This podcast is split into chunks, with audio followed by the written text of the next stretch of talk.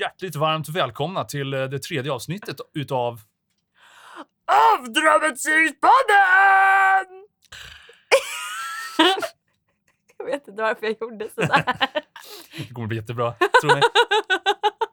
Nej men vi menar inget illa. Eh, vi vill bara väcka...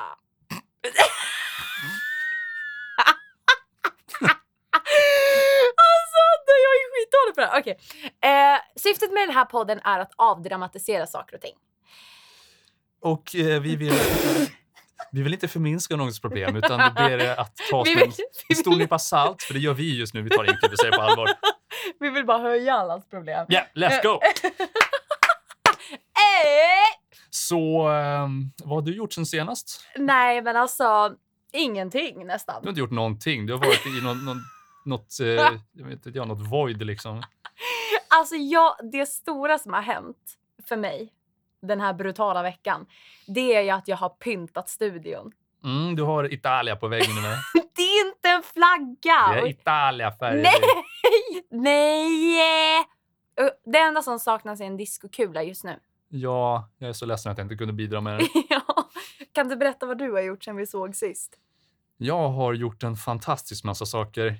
Oj då. Mhm. Vad, vad härligt. Mhm.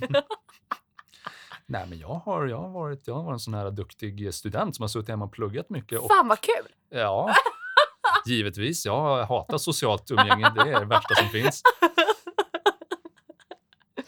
Ja, men hur har det gått då? Om du är på lite allvar nu. Hur har det gått med plugget?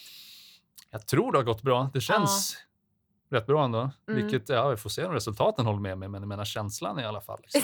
Den är med dig så att säga. Ja, men att det har gett utslag för Ja. det arbete jag som jag har lagt in i det. Ja. Men har det varit... Eh... har det varit kul?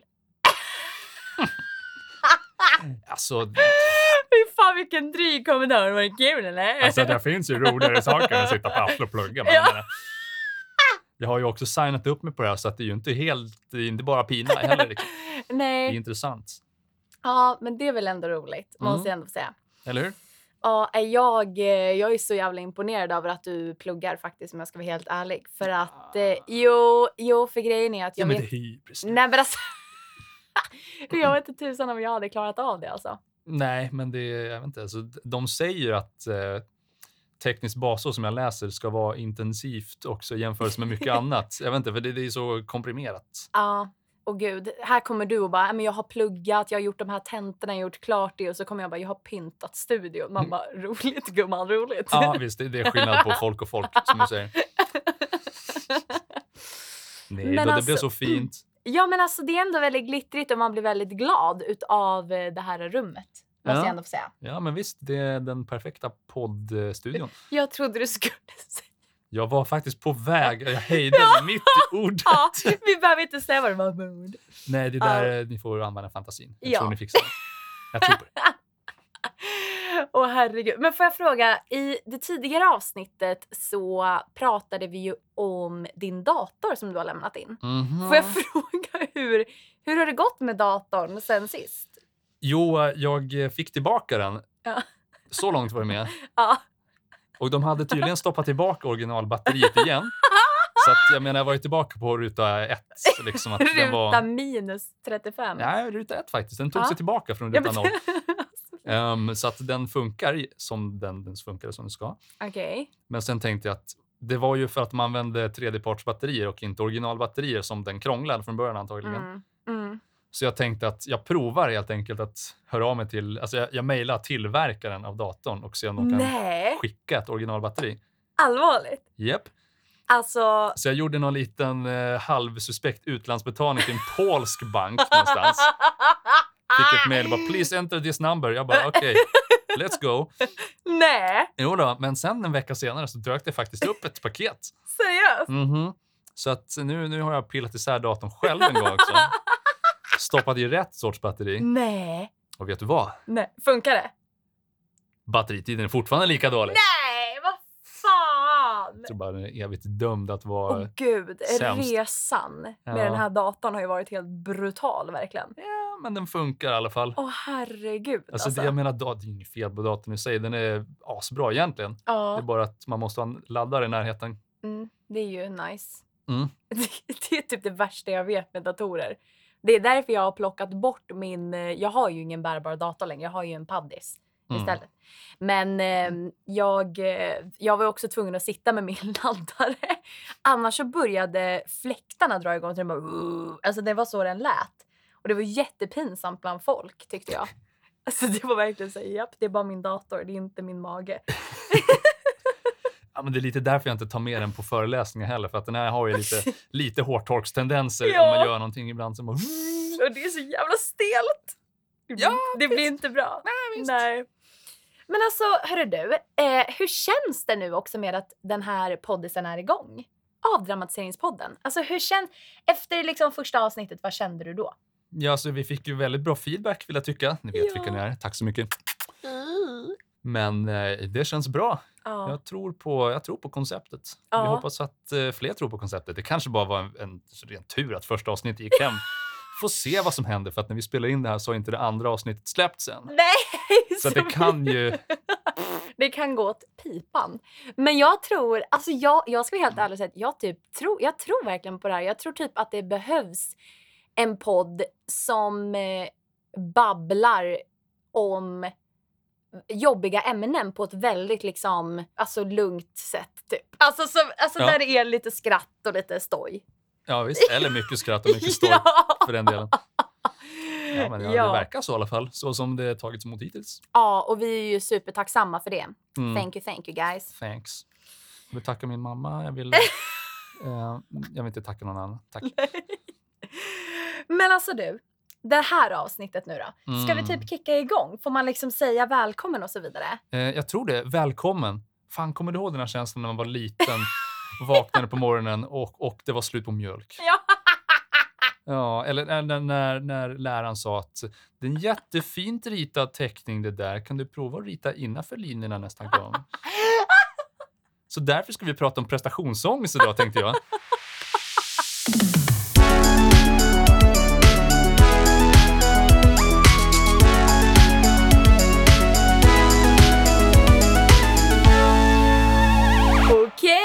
Varmt välkomna till Avdramatiseringspodden!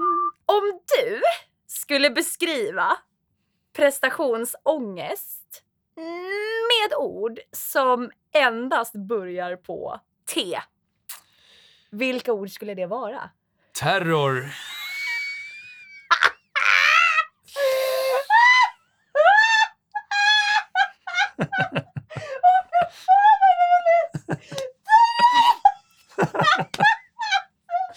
Jag kissar ner mig för fan!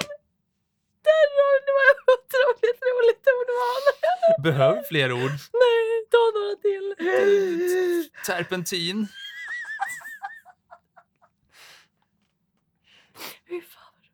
Så får vi inte glömma turbulens. Vart fan får du allt ifrån? Jag vet inte. Snälla hjälp mig. Åh herregud vad roligt. Okej, men är det ditt slutgiltiga svar? Jag tror det. Har jag vunnit the will- million dollar prize nu eller? Vad roligt. Alltså skrattar man inte åt det här har man ingen humor. Ja, nej men alltså prestationsångest. Mm. Kan vi börja med att ta upp det faktum att du hade prestationsångest inför det här avsnittet Ja! om prestationsångest? Ja, alltså herregud. Men jag tror typ att prestationsångest för mig, det blir ju liksom så... Det, det, jag har typ prestationsångest nästan inför allt jag gör, helt ärligt. Det har varit en väldigt central del i min ångestproblematik. Mm, jag känner igen det. Ja, och det, det är många gånger, alltså det sätter ju verkligen käppar i hjulet också för att det blir ju verkligen en... Eh, jag, jag kan få svårt att fullfölja saker, jag kan komma på idéer men tänka att nej det är inte tillräckligt bra och så vidare för att den här prestationsångesten bara tar över allting. Ja. Eh, och det är faktiskt skitjobbigt. Och det, det är därför det känns så himla bra typ att vi gör, alltså, att vi gör podden. För att jag har verkligen känt prestationsångest inför podden. Alltså det här avsnittet. För att jag tycker förra avsnittet är svinbra. Och då vill man ju toppa det liksom.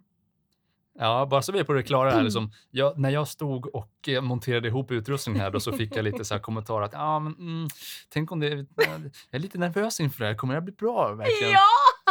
Den förra avsnittet var jättebra. Tänk om vi är jättetråkiga nu istället. Men, alltså, men alltså hur ser du, alltså vad är din relation till prestationsångest?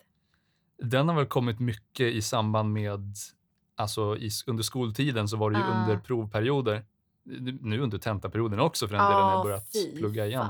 Ja. Men det var ju också någonting som drog igång alltså en, en panikångestproblematik från början. ja. I, eh, det var nationella proven i nian tror jag. Alltså, Det var så, okej. mm, precis innan avslutet egentligen. Men, och det var för att så här, shit, jag måste klara de här proven. Det var så det var då liksom. Ja, eller mitt problem är ju också att det är inte bara att jag vill klara dem, utan det har ju alltid varit att jag vill inte göra någonting halvdant. Utan Nej. ska det göras ska det göras bra. Ja, den är ju tuff. Ja, så, så det var ju inte riktigt, alltså det var inte nödvändigtvis att jag tänkte att fan jag måste få A, för annars är Nej. jag kass. Nej. Men eh, lite det här med att jag hade, alltså min bild av mig själv var att jag var bättre än bara godkänt liksom. Ja, ja.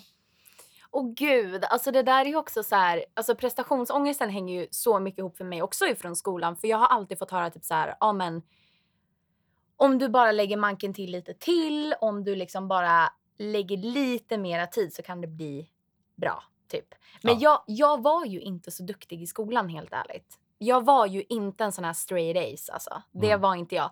Utan för mig var det ju verkligen att ehm, jag typ gick dit och fick närvaro. Det var liksom det som var min skoltid. Och jag minns till och med en gång i gymnasiet när jag hade geografi. Och jag bara tyckte att den här läraren är inte klok. Han är... Han, det här är inte en bra lärare. Så jag bara reste på mig, gick och hoppade av den kursen. Mm. Eh, och så jag skulle typ på något vis vilja säga att skolan, absolut att det har varit prestationsångest där, men samtidigt har jag haft svårt att bry mig om det. Min prestationsångest har legat väldigt mycket i det jag, eh, i det jag verkligen bryr mig om. Mhm. Då, typ mitt jobb. Det är ju oj, oj. oj. På vilket sätt märker du av det? Om vi tar som alltså, exempel från det du jobbar med idag. Eh, ja, men alltså, om jag bara tar mitt eh, extrajobb eller vad man ska kalla det för med Levi's. Eh, jag jobbar ju i butik då. Eh, så måste, alltså det måste vara, det måste synas på siffrorna när jag jobbar. Det kan inte bara vara liksom att ja, det är ännu en säljare där, utan det måste vara det ska liksom, man, jag, alltså jag måste klara målen och det måste vara liksom att, alltså det ska synas på siffrorna när jag är där. Och när det kommer till mitt eh, företag, oj, oj, oj, oj, oj, den är ju, den är ju inte trevlig alltså. Där är det ju, alltså det är med allt. Då kan det nästan vara så här, ja men som idag exempelvis, där har jag haft eh, kundsessioner hela dagen från 8.30 till 7. Mhm. Eh, och då har jag ju va- varit... eh, Det, då hade jag ju nästan ångest igår inför den här dagen. För att jag bara, gud, nu vill jag liksom att... Nu vill jag att eh, alla mina kunder ska känna att de lär sig någonting. Jag vill att de ska känna sig sedda, bekräftade och hela den biten. Och då, jag låg igår kväll och tänkte på typ, gud, hur kommer det att gå? Och då har jag ändå hållit på med det här i typ ett år. Mm. Det känns som att det inte stillar sig. Liksom. Jag vet inte riktigt heller hur man jobbar med det. Nej, jag tror... Kan du känna någonstans att du har för höga krav på dig själv? Har, har, liksom, har du någonting som... Den där min- minen säger ja. Ja. Ha, har du någonting som antyder att du någon gång inte har fått kunder att känna sig sedda och att de har fått lära sig någonting? Eller är det bara en fiktiv tanke? Liksom att, Nej, men alltså... Nej, men jag skulle säga så här att eh, det är nog verkligen bara i mig själv. Det handlar ju om att... Det handlar, jag, jag tror liksom mer att det ligger en inre osäkerhet på mig själv. Liksom. Att det ibland kanske kan vara att jag inte gör mig nöjd med andra punkter. För jag tror, med tanke på vad folk som jag jobbar med har sagt, att, jag, att de är nöjda. Liksom. Men det är svårt att tro på det.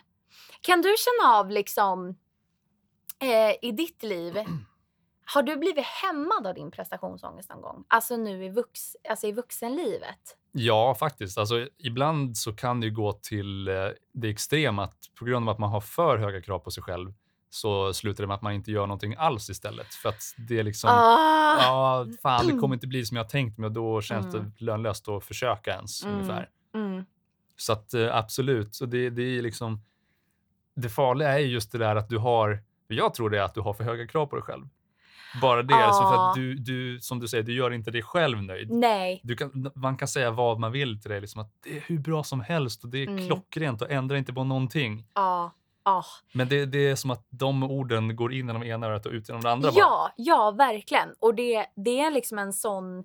För någonstans också så kan jag känna så här, ja men jag har ändå byggt upp mitt företag och jag har ändå liksom jobbat nu med det i ett år och innan det har jag ändå liksom hållit på med det som jag har velat göra som har varit liksom ändå drömscenario.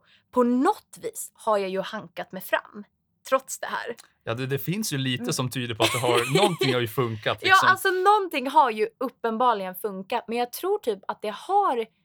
För det är också så här att hade jag inte haft de höga kraven på mig, då hade jag ju nog kanske inte heller kunnat göra det här. Så någonstans, och missförstå mig rätt, så kan jag nästan känna att det är både, alltså det är hatkärlek till det. Ja, visst, det är ju både en tillgång och Ja. ett eh, problem emellanåt. Liksom. Ja. Hur kan du känna att det har varit en tillgång för dig?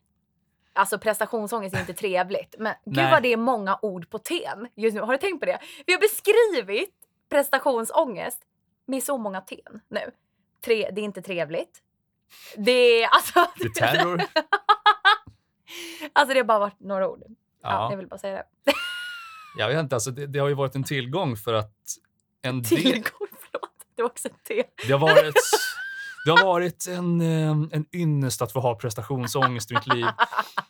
För att det har ju också pushat mig till att eh, bli bra på saker som jag vill bli bra på, som jag tycker är Ja. roligt. Ja. För att jag är ju den här personen som nördar ner mig i saker som jag tycker är kul för att ja. Ja, ja, för att det, why det, not? det, ja, men det känns mer givande än att bara skrapa på ytan på Ja. saker. Liksom. Att Ja. nej, men ha lite mer kunskap om det. Mm. Och det är ju inte, alltså, det är väl på sätt och vis, alltså inte prestationsångest nödvändigtvis, för jag har inte Mm. mått dåligt av det, men jag tror att de tendenserna som gör att jag har prestationsångest också gör att jag blir mer driven om det, om jag faktiskt vill lära mig någonting och inte har alltså pressen av sig ett prov eller tid på mig. Nej, jag fattar. Alltså, för det är det där jag kan känna någonstans, typ att den värsta delen med alltså jag kan ju få, om man inte tittar på typ arbete och typ, eh, vad, vad kallar man det för, typ någonting där man liksom kan se sin prestation. Så kan jag ju exempelvis ha rätt mycket prestationsångest i relationer också. Mm. Eh, där det liksom är att, ja men typ att man verkligen typ vill prestera som vän och flickvän och dotter och syster. Att man vill vara en väldigt bra sådan. Och det kan jag också känna att jag liksom, för de känslorna är lite lika för mig. Jag tror att prestationsångest, alla olika typer av ångest är väldigt, väldigt individuellt hur de känns hos varje person. Men just prestationsångesten och hur jag tycker att jag vill vara som exempelvis då flickvän. Det kan bli, de hör ihop för mig lite grann. Mm. Kan Absolut. du känna samma sak eller? Ja, som för- flickvän? Ja, som flickvän så vill jag ehm, alltid se till att, eh, ja nej, Nej. Nej, men det är ju, då har du ju en, ändå en skapad bild av en sorts roll som du försöker leva upp till. Det är mycket det det handlar om då. Liksom. Science. Nej men alltså ja, det, absolut så är det ju verkligen. Och den rollen är ju olika beroende på om det är att du som flickvän eller som dotter eller som vad det nu kan Ja. vara. Liksom. Ja. Och det, det är ju, om du inte lever upp till det så får du ju en känsla av att du har, gjort, du har misslyckats på något sätt. Ja, och det är ju de två då som, alltså det var en så bra beskrivning för att det var ju verkligen en, eh, för det är det jag verkligen kan känna att jag har ju liksom konstant en rädsla för att misslyckas. Senast idag hade jag liksom ändå en känsla med, så här, ja, med företagandet att alltså gud, när kommer någon när, när kommer det här att fallera typ? Alltså det, jag kan få lite såna så här katastroftankar ibland. Vilket är väldigt, väldigt konstigt. Men, eller konstigt är det väl kanske inte, men, men det är ju... Det, jag tror kanske inte att det är unikt, men jag, jag tycker det hör ihop med prestationsångest. Ja, katastroftankar är ju signum för ångest överhuvudtaget. Liksom. Fy fan! Tänk att man... Ja, nej men alltså verkligen. Men det är kul det med misslyckanden också. Mm. Eh, ja, inte, det är inte kul att misslyckas. Gud, jag älskar att misslyckas. Ja. Fan, bästa känslan ändå. Nej, men just med misslyckande, att Ja. ehm, det finns ju två sätt att se på det egentligen. Att Det Ja. ena är det här att du tar det för ett, alltså den bokstavliga meningen, misslyckat. Mm. Och då är det ofta förknippat med en dålig känsla. Att Mm. jag har sagt att jag ska göra någonting och jag har inte lyckats så som jag tänkt mig och därför är jag misslyckad och det är någonting dåligt. Ja. Eh, ett annat sätt som är alltså, lite av ett tankeexperiment som kan funka är ju att tänka det som att istället för att du är misslyckad och Mm. inte har nått upp någonting så är det inte för att du är dålig Nej. utan det är för att du inte har lärt dig än. Du, vet inte, du har inte rätt verktyg Ah. för att göra det än. Ja. Än är nyckelordet där också. Att du Ah. kanske du kommer få det senare med tiden. Och jag önskar typ att man hade liksom en liten gubbe eller en liten adde som satt på axeln och sa det där. För att jag kan känna så här. Det jag tog från det där är att jag, du kallar mig för gubbe precis. Nej men alltså det, det är liksom en sån här... För det, det jag kan känna som blir ett problem för mig, det är att jag har svårt att se det från de ögonen lite grann. För att för Mm. mig, och jag, jag kan nästan känna att jag konstant, alltså konstant, har prestationsångest. Alltså det är så jävla hemskt när man tänker på det. Men alltså så här att, för det är verkligen också så här, oavsett vad det är jag, eh, jag tar tag i, eller oavsett vad det är jag gör, så måste det göras väldigt, väldigt, det går inte att göra det lagom. Nej, Och Man måste vara skitbra på det. det där känner jag igen mig otroligt mycket i. Ja, alltså det, det är liksom från noll till hundra. Och det, det, det är det jag kan känna nu. Alltså ta typ det här med... Ja men jag... När det kommer till det här med jobb så sitter det ju väldigt... Inte för att vi ska prata om det här på något annat avsnitt, men det här med karriär. Uh, eh, Spoiler! Nej men alltså att eh, prestationsångest ligger ju väldigt mycket i det som är viktigt för mig. Och det är ju, alltså karriär är ju verkligen en, det är en sån stor, central, apviktig del i mitt liv. Där, där jag, där det typ är att den största rädslan ligger i att jag ska misslyckas. Att jag inte ska kunna göra det jag vill eller att, jag att karriären inte kommer att bli så som jag vill att den ska bli. Mm. Eh, och då, då bygger jag upp både katastroftankar men även att jag blir en perfektionist i det jag då gör. Vilket gör att ingen är perfekt och ingenting man gör kan någonsin bli perfekt. Vilket Nej. gör att så här, då kommer man ju alltid vara missnöjd så att oavsett vad man gör så spelar det ingen roll. Nej, en ond cirkel. Det blir en går ond- inte att bryta den. Nej, verkligen. Kan du säga att du är perfektionist? Ja, eller kan man perfektionist? Det är nästan alltså, ett ord som kastas runt lite mycket kan jag tycka. Alltså, det, Oh, det nästan blivit lite klyschigt liksom att säga att Ja. jag är perfektionist. Jag vill ha allting. Oh my god, du har Jättebra. så rätt. Du har så jävla rätt. Det är verkligen ett ord man slänger med, ja. Mm. Mhm. Men eh, ja, Ja, ja, ja! jag är klyschig. Jag är inte Nu jävlar får vi någon annan. slänga runt det här ordet. Nu ska Ja. vi slänga runt det. Ja. Nej, men, eh, ja, nej, men det är ju mycket det där att jag som du, att jag vill inte göra, jag kan inte göra saker lagom. Eller Nej. jag har blivit bättre på att inte ta allting till sitt extrem, eh, extrema hela tiden.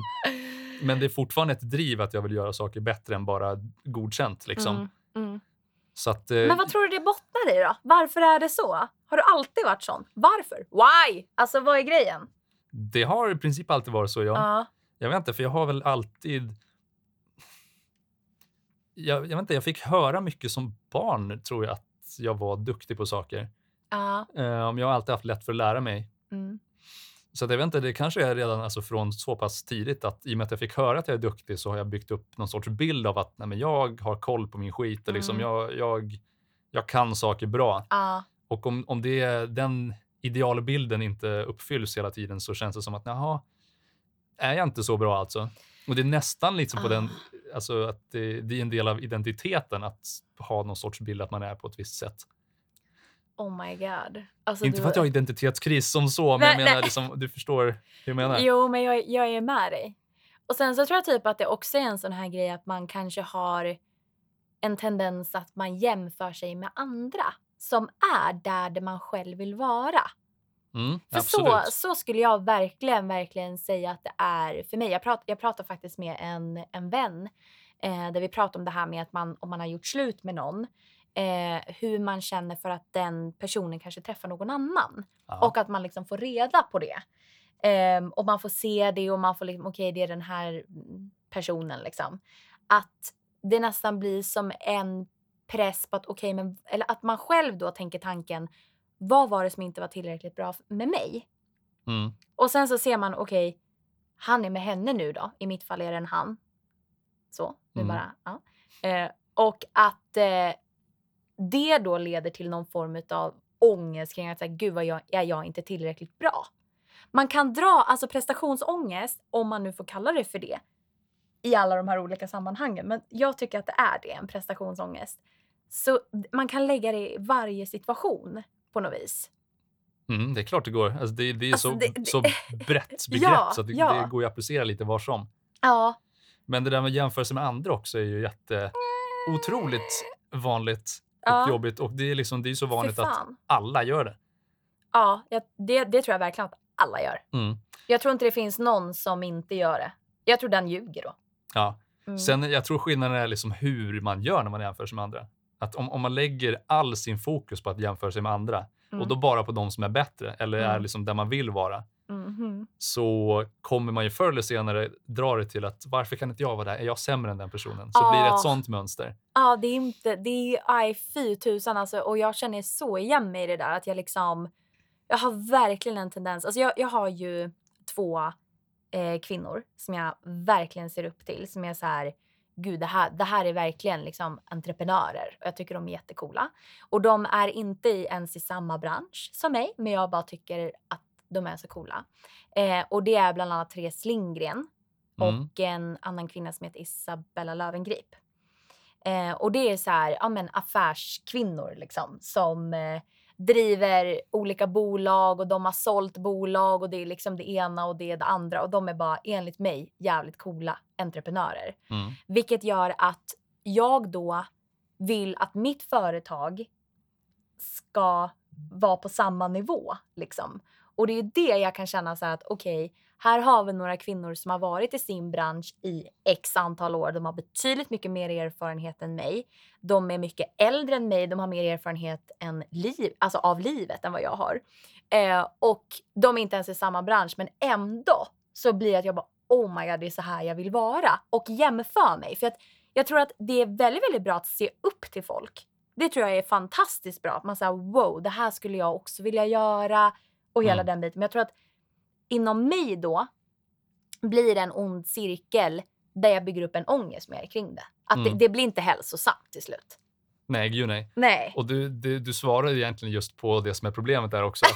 Man, man jämför sig med någon som har en helt annan erfarenhet och helt annan kunskap än, Ah. än en själv. Då, Ah. då är det ju klart som fan att man inte är där själv, för då har du ju inte samma Ah. förutsättningar heller. Nej, kan du känna att du gör det? Alltså, vi båda är ju ändå i musikbranschen. Mm. Skulle du säga att du har en tendens att göra det? För du är ju också multi-instrumentalist. Mm, de säger det. Alltså, om jag får kalla dig för det. Kan du känna att du rent musikaliskt och sådär, alltså i våran bransch jämför dig med andra? Absolut. I allra högsta grad gör jag det. ja. Sen eh, försöker jag inte låta det gå ut över mig negativt, utan jag ser det snarare som Istället för att tänka att ah, jag kommer aldrig bli så där bra eller att Nej. vara avundsjuk på någon så försöker Nej. jag se det lite som en utmaning. Att jag vill, ja, men, om jag tar det i små steg, Mm. när kommer jag kunna bli så där bra också? Ja, Att ja, man har det som ett mål, liksom, att man tävlar lite mot sig själv. jag Fast på ett fattar. alltså inte på ett, eh, på ett negativt sätt, att om jag inte fixar så är jag dålig. Mm. Utan mer att jag, kan, jag vill se vart, hur långt jag kan komma med det här. Liksom. Ja. Det här får ju mig att ramla in i ännu en punkt i det här med prestationsångest. Oj då. Avundsjuka. Oj, avundsjuka. Ja. Hur skulle du säga att avundsjuka och prestationsångest är förknippat? Skulle du ens säga att det är förknippat på något vis? Kan man dra liknelser mellan de två? Jag tror man kan dra liknelser mellan de två, ja. Okej. Why? Eh, för att du kan ju vara avundsjuk på någons framgång, som vi tog Mm. upp precis. Ja. Och eh, som sagt, om du själv inte når upp dit med Mm. eh, vad du tycker är rimliga medel eller på rätt mängd tid, Ja. Ja. så, fan. så kan du ju känna att eh, fan, jag kanske Mm. inte är så bra. Nej. Jag är rätt dålig rent av. För fan vad Ja. jag är sämst alltså. Helvete. Alltså det där med avundsjuka, det är också, jag tror att vi alla har en tendens att kunna bli avundsjuka. Och, jag tror, och det är också en sån himla viktig del. Jag vill bara säga det att avundsjuka och svartsjuka, två separata ting. Mm. känner jag. Eh, tycker jag, har jag läst.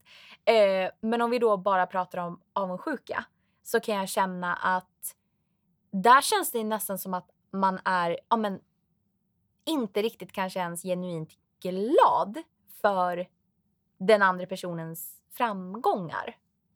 Eller behöver avundsjuka vara det? Eller vad, alltså, hur definierar du avundsjuka? Jag vet inte, alltså det är, jag skulle säga att avundsjuka kan ju vara jag tycker den är lite mindre negativt laddad på något sätt också. Ja. Att det kan vara att du har någonting jag vill ha. Jag hatar det inte, men jag är lite, jag är lite avis. Liksom, att fasen, tänk om jag hade det här också. Liksom. Jag, jag ska försöka fixa det. Ja, för alltså, jag, om- jag bara får avbryta så är det ju den att jag kan ju känna mig avundsjuk på dig och hur duktig du är på alla instrument. Mm. Exempelvis. Jag är inte bra på instrument så som du. Ehm, och att jag kan känna så här, oh my god vad jag längtar tills jag är lika bra som dig på musikproduktion. Men jag upplever att det är en positiv avundsjuka. Mm. För jag har ju tidigare känt, och jag tror att så här, det är bara att erkänna det, för att jag, jag har verkligen kunnat känna en avundsjuka i mina tidigare år. Mm. Alltså som har varit, varit negativ. Där, för att jag kom in i den här branschen väldigt ung och det var bara massa gubbar, ascoola dudes liksom som hade studiosar och det var liksom det ena och det andra och jag bara oh my god jag kommer aldrig få den här. Liksom att det var så här att det, att det fanns liksom en ehm, och då minns jag liksom att när jag då jobbade på ett företag så kunde vi ge andra artister möjligheter till typ att spela in en platta eller liknande. Mm. Och det minns jag så här, första gången jag var med om det. Att jag faktiskt sa, oh, liksom, det här. Jag har inte fått göra det här liksom. Att jag kunde vara avundsjuk då faktiskt på att de fick den möjligheten men att jag inte riktigt hade Mhm. fått den. Utan jag var bakom kulisserna liksom och Mm. distribuerade deras musik. Vilket också är så här absolut coolt. Men, men alltså förstår du vad jag menar? Att jag liksom, Mm, jag förstår precis. ja. Gud vad jag skäms nu. Men jag kände verkligen så ibland då. Det har varit, det är ett tillfälle framförallt som jag liksom tänker på. Men det är så fan, det är avdramatiserat. Ja, men visst, nu har vi avdramatiserat det. Det var inte så illa, eller hur? Det var ganska kul ändå. Så se vad Ja, det tagit dig nu. ja. Men jag tror typ att det också är viktigt att man har någon form av självinsikt i det hela. Att man förstår att ah, men det var så jag kände då. Liksom. Och det är ändå okej och jag har jobbat med det nu. Och Mm. då leder det in på nästa grej. Hur jobbar man med prestationsångest? Hur jobbar man det? Eh, först och främst tror jag, sänk ribban. Och det, det Ja. låter jättefånigt när man hör det första gången. ja, Men eh, ärligt talat så finns det ju inget annat bra sätt att göra på egentligen. nej, För det hänger mycket på att du har för höga mål på dig själv. Eller kanske rent av att du har satt ett mål som är orimligt. Ja, men då undrar jag, hur vet man vad som är rimligt då? Det, det, finns ju, det finns modeller för att formulera mål som är liksom nåbara också. Ja. Men mycket det där... Självhjälpsbok, det är vår rekommendation. Precis, det är det vi lämnar en länk i beskrivningen sen. Nej, det gör vi inte. Du, du ska ju bryta ner, för att det är ju också ofta att om du sätter, de flesta som sätter mål skulle jag säga, tar ju något, något brett. Ja, Som jag, jag vill bli bättre på. astronaut. Ja, men, Alltså, ja, det gäller, jag vill bli bra på att laga mat. ja.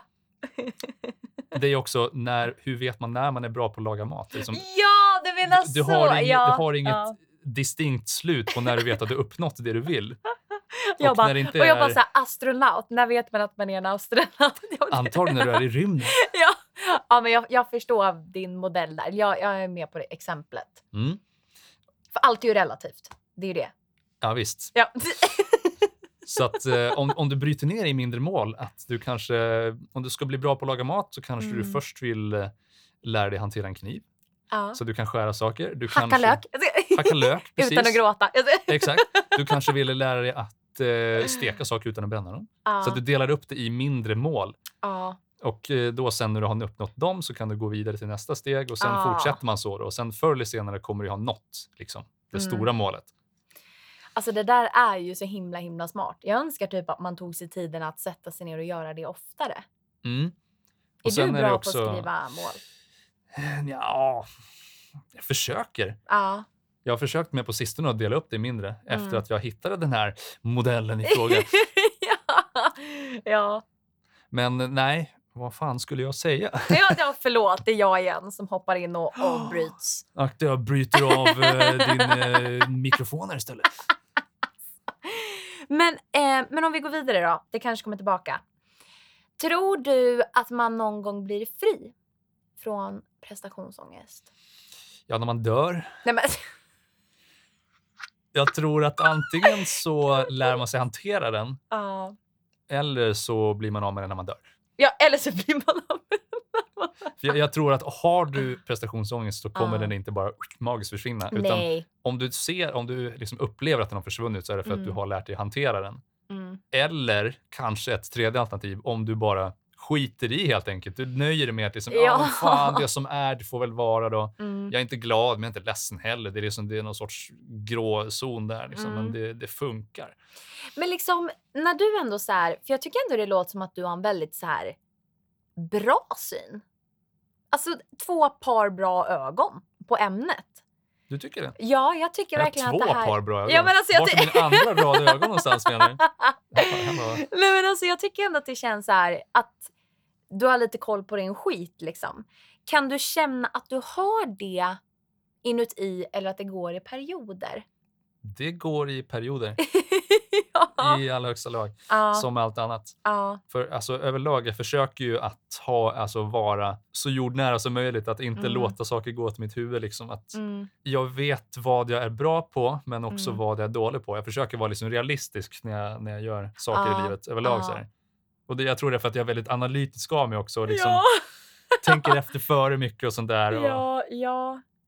För det, det är det jag kan känna lite grann, typ att jag, jag har nog en tendens att jag många gånger är lite för snabb.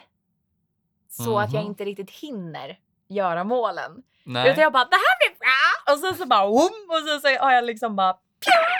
Nu lägger vi in en ljudeffekt. Pju! Så jag bara sprungit till nästa, till nästa grej liksom. mm. Eh, för jag skulle ändå vilja säga att jag är nog inte så analytisk där och då utan mer efteråt om jag känner en känsla. För att jag är väldigt, väldigt, väldigt medveten om mitt känsloliv. Mhm. Känslor kan ju dyka upp och bara upp, vad är det här? Vad var det där jag kände nu liksom? Ehm, så att någonstans kan jag känna att jag är lite för snabb för att göra mål. Men på något jäkla vänster så uppnår jag typ målen då. Alltså, eller hur jag ska säga. Vad händer så här på ren tur? nej, nej, nej, "Jävlar, nej, uppnått åh, gud, vad hemskt. Jag har inte ens satt det här målet än, men jag har fan uppnått det. Alltså, gud. Naturlig eh, målskapare, målvinnare. Ja, Nej men, Sparkas du för gör du? Ja. Din lilla råtta. nej, men att, att eh, och det, det kan ju också ibland då, det är ofta det då jag kan känna att så här, ibland kan jag springa förbi målen, eller vad man ska säga, att jag uppnår dem som jag Mhm. har i huvudet och uppnår så bara wow, det här var en dröm jag hade tänkt på, nu har jag gjort det. Men att jag inte riktigt är då i nuet och tänker på dem och bara creddar mig själv för det. Nej, jag kan känna mycket också att... Alltså jag gillar, jag är mycket för att ut, alltså reflektera över saker jag gjort och liksom se Mm. tillbaka på vad var jag för x antal månader eller år sedan till exempel. Ja, jag, jag tror det mycket då kan jag också känna som du beskriver att ah, shit, det här har jag faktiskt velat göra. Nu har jag Ja. lyckats med det. Liksom. ja, Så att, också mycket att det kommer ofta efteråt. Att ofta så Ja. känner jag inte i stunden om det är någonting liksom som händer, något som är stort, något som är bra. nej. Utan det är först efteråt att shit, det här var ju faktiskt riktigt häftigt. Ja, och det är väl liksom så här. Det är väl så också som man.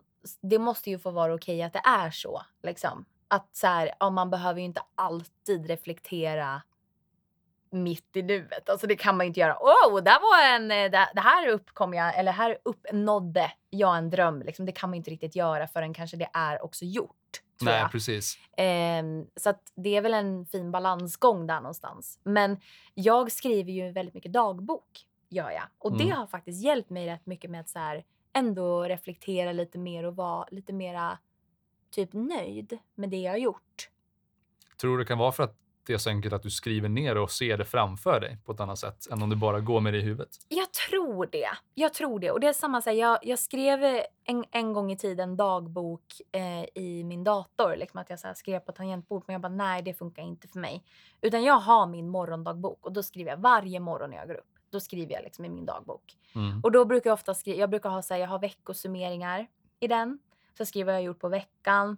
Och sen så har jag månadssummeringar så att jag ser vad jag har gjort på månaden. Mm. För att annars har jag en tendens att springa förbi det. Och då går det bara en, en lång jävla mörk loop. Att jag bara, gud jag är inte tillräckligt bra. Oh my god, jag har inte gjort det här. Mm. För att jag glömmer bort det jag har gjort liksom. För att man kanske, för att man springer, eller för att jag springer lite för fort liksom. Mhm. Men någonstans kan jag känna att jag tror att det verkligen är så som du sa tidigare att man kan se på prestationsångest ur två vinklar, ur två par ögon. Faktiskt. Både det att man kan, att man kan se på det så att det nästan blir som en, en ond cirkel, att det blir negativt. Men att man också kan ta det till sin fördel. Alltså det här med att man blir driven och hela den biten. Mm. Eh, Det handlar mycket bara om alltså, hur man väljer att använda. För att du har, Ja. det är ju liksom ett driv i grunden, men också en, en vilja som kanske är lite större än kapaciteten vissa gånger. Ja, ja! Åh, ja, gud! Men alltså det här med att vara driven då liksom. Mm. Det, Det vet ju du allt om. Nej men Kan du, kan du upp, Ja, kan, hur är det att vara driven? nej! Ja men alltså, det är ju nice. Nej men alltså så här, jag, okej, helt allvarligt så känns det, ja men jag, jag tycker ändå jag är, är driven. Men att det kommer ju dagar även för mig då när jag känner, gud är jag ens det? Mm. Ja. Det, det, det går Eh. mycket tillbaka till det sån där att du, man eh, tvekar på sig själv. Ja! Det är ju en osäkerhet. Mm. Alltså gud. När fan blir man av med den skiten då? Nej men alltså, Ja, när man... Eh, dör. exakt. Mycket död. Snart Ja. kommer avsnittet Ah, om... Eh, ah, Död. Döden. Spoiler alert. Jag spoilade ingen som har lyssnat på oss efter det här. ja. Fan, det var kul så länge det var. Ett helt avsnitt. ja. Nej, men man får väl helt enkelt lära sig att inte... Var osäker. Ja, precis. Ge fan i det. Nej, men att lita på... Alltså det är väldigt mycket som om du är... Mm. Om du är chef över en arbetsgrupp till exempel, Ja. eller för ett företag, så kan du inte du, om du ska styra upp en hel grupp, så kan du ju inte Mm. gå och tvivla på dina beslut hela tiden. För det, det kommer inte funka liksom som Nej. ledare i en sån roll. Nej. Utan då, då får man ju helt enkelt lära sig att jag har, alltså mitt omdöme bedömer jag, alltså jag tycker att jag har ändå koll på det jag gör Ja. och eh, jag litar på att mitt omdöme stämmer. Så att jag gör Ja. det här och jag lever som om det är rätt sak att göra. Liksom. Och sen så tror jag typ att det kan vara en sån här sak också att man, alltså för det, någonstans så kan jag känna så här att det här är mer att man också har en liten prestationsångest på att man vill, ja men som det här nu som jag hade idag med mina kunder, liksom att det ligger ju väldigt mycket i att jag vill göra dem nöjda, jag vill att de ska fortsätta komma hit och hela den biten. Absolut att det inte får gå till en överdrift, men någonstans kan jag också känna att det har gjort mig väldigt, väldigt ödmjuk till det jag gör. Att jag uppskattar typ att jag får göra det här som jag gör så mycket för att det är ju det bästa jag vet i hela, hela livet liksom. Mhm. Eh, så att någonstans så blir ju den där osäkerheten då också som man känner inuti. Den kan ju ibland också övergå till en enorm ödmjukhet inför det man faktiskt gör också. Mm. Lite grann. Och det tror jag är en av de positiva sidorna av det också. Ja, För att om man har en bild av sig själv att man är bra på någonting, ja, eh, fast du också har prestationsångest, så att du vill göra någonting skitbra, annars är det Ja. inte värt att göra det ens, så tror jag det är lätt att man får egenskapen att man blir ödmjuk, och, ödmjuk också. ja. som du säger, ja. för att om man tycker att, eller för då tankarna när man har prestationsångest är ju snarare att fan vad dålig jag är. Ja, ver- alltså verkligen. Det, det är ju inte att du lyfter dig själv till skyarna, för då hade du inte Nej. haft ångestproblematiken. Nej. Liksom. Utan det är ju snarare att du inte ser vad du är bra på. Ja. Och det är ju ödmjukt att eh, Ja. downplaya sig själv. Sen kanske man inte behöver göra det destruktivt så att man Nej. går runt och säger att man är dålig och det blir en, en sån effekt av det. Men, Men, men sen är det väl den någonstans kan jag känna att det verkligen är en, eh, ja jag har verkligen en hatkärlek till min prestationsångest. Bå, alltså att jag bo, både känner att gud utan den hade jag typ aldrig varit här där jag är idag. Helt ärligt. nej. För den gör ju också att jag blir väldigt driven och har en enorm vilja att så här, det här ska jag göra nu och jag kommer att göra det så här bra. På Mm. så, här, så här på den här tiden. Det är ju dock ett problem hos mig. Mm. Det Vet här du vad som är skitbra då? Nej Som vadå? jag, för fan vad jag är glad att, eh, jag, vet, jag vet inte om det var du som du som fick mig använda den, där man kom på det själv. Vadå? Att lägga upp saker i kalendern, nyttja den till allt Det var man gör. jag! Oh my god, det, var, du. jag, du, Adde. du kan ta cred för den. Oh my god, ja. Det var Thanks. så jag! Okej, berätta, hur har du känt efter kalendern? För jag fick ju också det tipset från Mhm. en person. Nej, men det, det är nog eh, det bästa jag har gjort faktiskt. Nej. Att bara kunna liksom blocka ut att nu ska jag göra det här och eh, då vet man när man har tid för att göra det. För annars är det lätt om Ah. man bara har allt i huvudet att man glömmer bort att jävlar just det, jag skulle gjort det här också. Eller att Ah. man har en lång lista med saker man behöver göra men inte vet när man ska ha tid för det. Alltså jag, jag kan ju säga det att... Alltså jag har ju levt med min kalender i två år. Mm. Det är ändå inte så lång tid. För jag har ju hållit på med, hur ska jag säga? Jag har ju hållit på och jobbat med liknande saker som det jag gör idag. Alltså jag har haft mycket saker för mig alltid. Jag fattar inte hur jag kunde träffa kompisar, vara iväg och spela, vara iväg och jobba och göra alla de här bitarna och ha alla datum i huvudet. I huvudet. Inte i alla huvuden, utan i ett huvud. Nej men alltså he- helt ärligt, alltså jag förstår inte vad jag gjorde innan. Nej, jag håller med dig helt där. För alltså, jag skriver ju upp, alltså det, det är faktiskt ett jäkla bra tips för att jag skriver till och med upp hur länge jag ska sova. Mhm. Det är på den nivån. Hur länge jag ska sova och hur min morgonrutin ser ut, hur min kvällsrutin ser ut liksom. Mm. För det gör att jag får en överblick över livet och bara hmm, jag är nog rätt tillräcklig ändå liksom. Ja, men visst. Och det, det är så bra att kunna visualisera sig det också Ja. tycker jag. Att du, det, det, är, en helt annan sak bara du kan se det framför dig. Ja, men alltså verkligen. Jag är inte riktigt på den nivån att jag blockar ut min sömn än i alla fall. Men om det är saker som, som behöver göras snarare än liksom ledig tid så Ja. försöker jag lägga ut det så mycket jag bara kan. Och det, det Ja. kan vara alltså små saker också som att typ tvätta. Även fast jag har liksom tvättmaskin i hemmet och inte behöver gå någonstans. Liksom, Nej, men jag behöver göra det här nu så att då lägger in det där. Men alltså jag tror att det är jätteviktigt att man ändå gör det. Alltså jag kan känna typ att jag har fått en mer ordning på mitt liv. Och att jag typ har kunnat hantera den här, för att, den här prestationsångesten skulle jag säga. För att när jag då är ledig, jag har ju eh, en dag i veckan där jag är ledig. Och då är jag ledig, Två timmar, nej, nej absolut inte. en Men och en jag, halv. Nej, men jag försöker vara ledig en hel dag. Ibland så funkar det, ibland funkar det inte. Men det gör att på den dagen då och på den lediga tiden så har jag tid att reflektera. Och det är under reflektionstiden som jag, som jag kan som jag då kan reflektera över det jag uppnått. Att jag är Mm. så här, gud jag har ändå gjort det här och jag har ändå gjort det här och då kan jag stilla ångesten lite grann. Mhm. Så det är de gånger då jag inte tar och återhämtar mig och inte tar ledigt som eh, det ballar ur. Eh, jag försöker göra det här, men eh, ibland kan det bli svårt. Men jag försöker. Har du provat att schemalägga vilo, vilotid? Du, jag gör ju det. Alltså, I'm Hur ofta tar du trying. bort dem? Ah, my god! Adde, vad fan!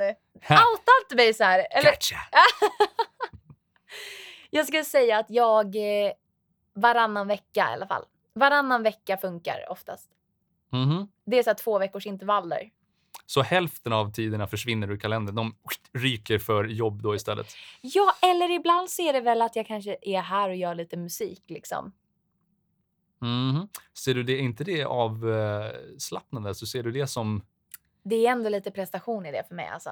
det blir så? Ja. Ja. Ibland så kan det ju vara typ om jag verkligen så här bara sätter mig här för att leka liksom. Mm. Men det är ändå så här i och med att mitt musikrum är på min arbetsplats ja, så blir sig, ja. det ett, eh, det blir lite mer av, det blir inte avkoppling alltså på samma sätt. Men jag har ju min akvarellmålning. Jag Mm. målar ju med vattenfärg då. Just det. Det är ju min nya grej. Som jag ska försöka att inte göra något företagsamt utav. Nej, fan, jag- jag ska fan hålla, hålla dig styr där så att du inte kommer på allt som du ska bli. eh, ja, Jag ska bli konstnär nu också. Ja, massa utställningar på gallerier och allt vad det heter. Nej, nej, nej, nej. nej. Men Sen alltså, kanske vi spelar en ljudbok om det också. Ja men alltså, Då är jag the guy. då är du the guy. Men får jag fråga, eh, om vi går, bara går tillbaka till det här med att hantera prestationsångest. Mm. Om du skulle ge tips på bokstaven, nej jag skojar, men om du skulle ge tre tips. Nu du ge tre tips. Uh, du får inte ge två utan tre. Fan, jag Ja. tänker fyra. Okej, första tipset skulle jag säga som sagt att eh, sänk ribban till att börja med. Det behöver inte vara för all framtid heller, utan Nej. bara testa under en period att bara, alltså det kan vara något enkelt som att sätta upp några mindre saker i vardagen som man kanske har Ja. prestationsångest över. Att försök bena ut det i mindre beståndsdelar. Mm. Att eh, till exempel för att Fan, massa matreferenser där. För att om du ska laga en maträtt så behöver du kanske först hälla upp vatten i kastrull och det är ett mål att göra det, sen nästa sak och så vidare. Ja. Ehm, tips två. Mm. Jag tror mycket är också vi sa att man jämför sig med andra. Gör inte det. Ge fan i det helt enkelt. Det man kan göra är att, eh, för realistiskt kommer man inte sluta jämföra sig med andra. För att det, det är bara så man funkar. Ja, ja, Det tror jag man bara får lära sig inse. Liksom. ja. Däremot så kan man ju begränsa sig själv hur länge man tillåter sig att, att göra det. Att du sitter, att du har 15 minuter per dag när du får sitta och göra precis hur mycket jämförelser du vill med andra personer. ja, den där är smart. Mm. Den är smart. Och sen när de 15 minuterna är över, då, då är det slut för den dagen. Då Ja, får du göra det imorgon. så jäkla bra. Men ja. då har du i alla fall jämfört dig med andra för att det kommer ske. Ja. Oavsett du vill eller inte. Alltså, Alltså den där är så jä... det, det där är ju precis samma grej som när man sätter upp ett mål att så här, det här datumet, då ska jag fan sluta sörja den här personen. Typ om man har gjort slut med någon eller en vänskapsrelation som har tagit slut. Det har jag hört så. Det där är att- Att man sätter upp ett tidsspann. Mm. Puff. Som eh, tidsgräns för Instagram eller någonting på mobilen jämförs liksom. Ja! När, det, när den tiden är slut, då är det slut. Och där får man faktiskt vara hård mot sig själv också Ja, och se till att man faktiskt. håller det. Mm. Och det är ju för ens egen skull. För att sviker ja. man sig själv i ett sånt läge så mår man bara ännu sämre. Ja, fy fan. Eh, det var två tips, tre skulle det vara. Ja. Eh, vad ska jag säga, det tredje då är att när du jämför dig med andra, Mm. jämför dig med de som är inom citationstecken sämre än dig också. Så att du får perspektiv att det alla är inte bättre än du är, utan Nej. du har faktiskt kommit längre än andra också om du tänker efter. Ja, men alltså du, då undrar jag att se så på saken. Mm. Alltså att jämföra sig med någon som är inom kaninöron sämre. Mm. Wow, det här är en dramatisk sak att säga. Och det är ju nästan eh, tabu och eh, Ja! att Ja. säga det ens. Ja. Men eh, Det är dock väldigt, väldigt sant det är väldigt mig. sant för Ja. att du är ju bättre än andra på Många. vissa saker. Liksom. Jag tänkte att du är bättre än många andra. Nej men alltså man, andra är ju mindre, alltså vissa är ju mindre bra på vissa saker och andra är mera bra på andra saker för att säga det lite mer diplomatiskt. Precis. Ja, Nu vart det PK-podden featuring eh, Andreas och Bim här. ja! Sitter i kvällssoffan och har det lite mysigt. PK-podden, det är vad vi får kalla den här sen när vi ska rätta till alla våra misstag som vi har tagit upp. Precis. Eh, för efter avsnitt fyra kommer det vara, Mm. eh, så kommer jag behöva lägga in den här censurton när vi säger någonting som inte är PK. ja men det var faktiskt tre väldigt, väldigt bra tips. Mm. Vilket leder oss in på dagens programpunkt. Åh helvete! Det är dags att skämma ut sig igen här i eh, karikatyren. Karikatyren!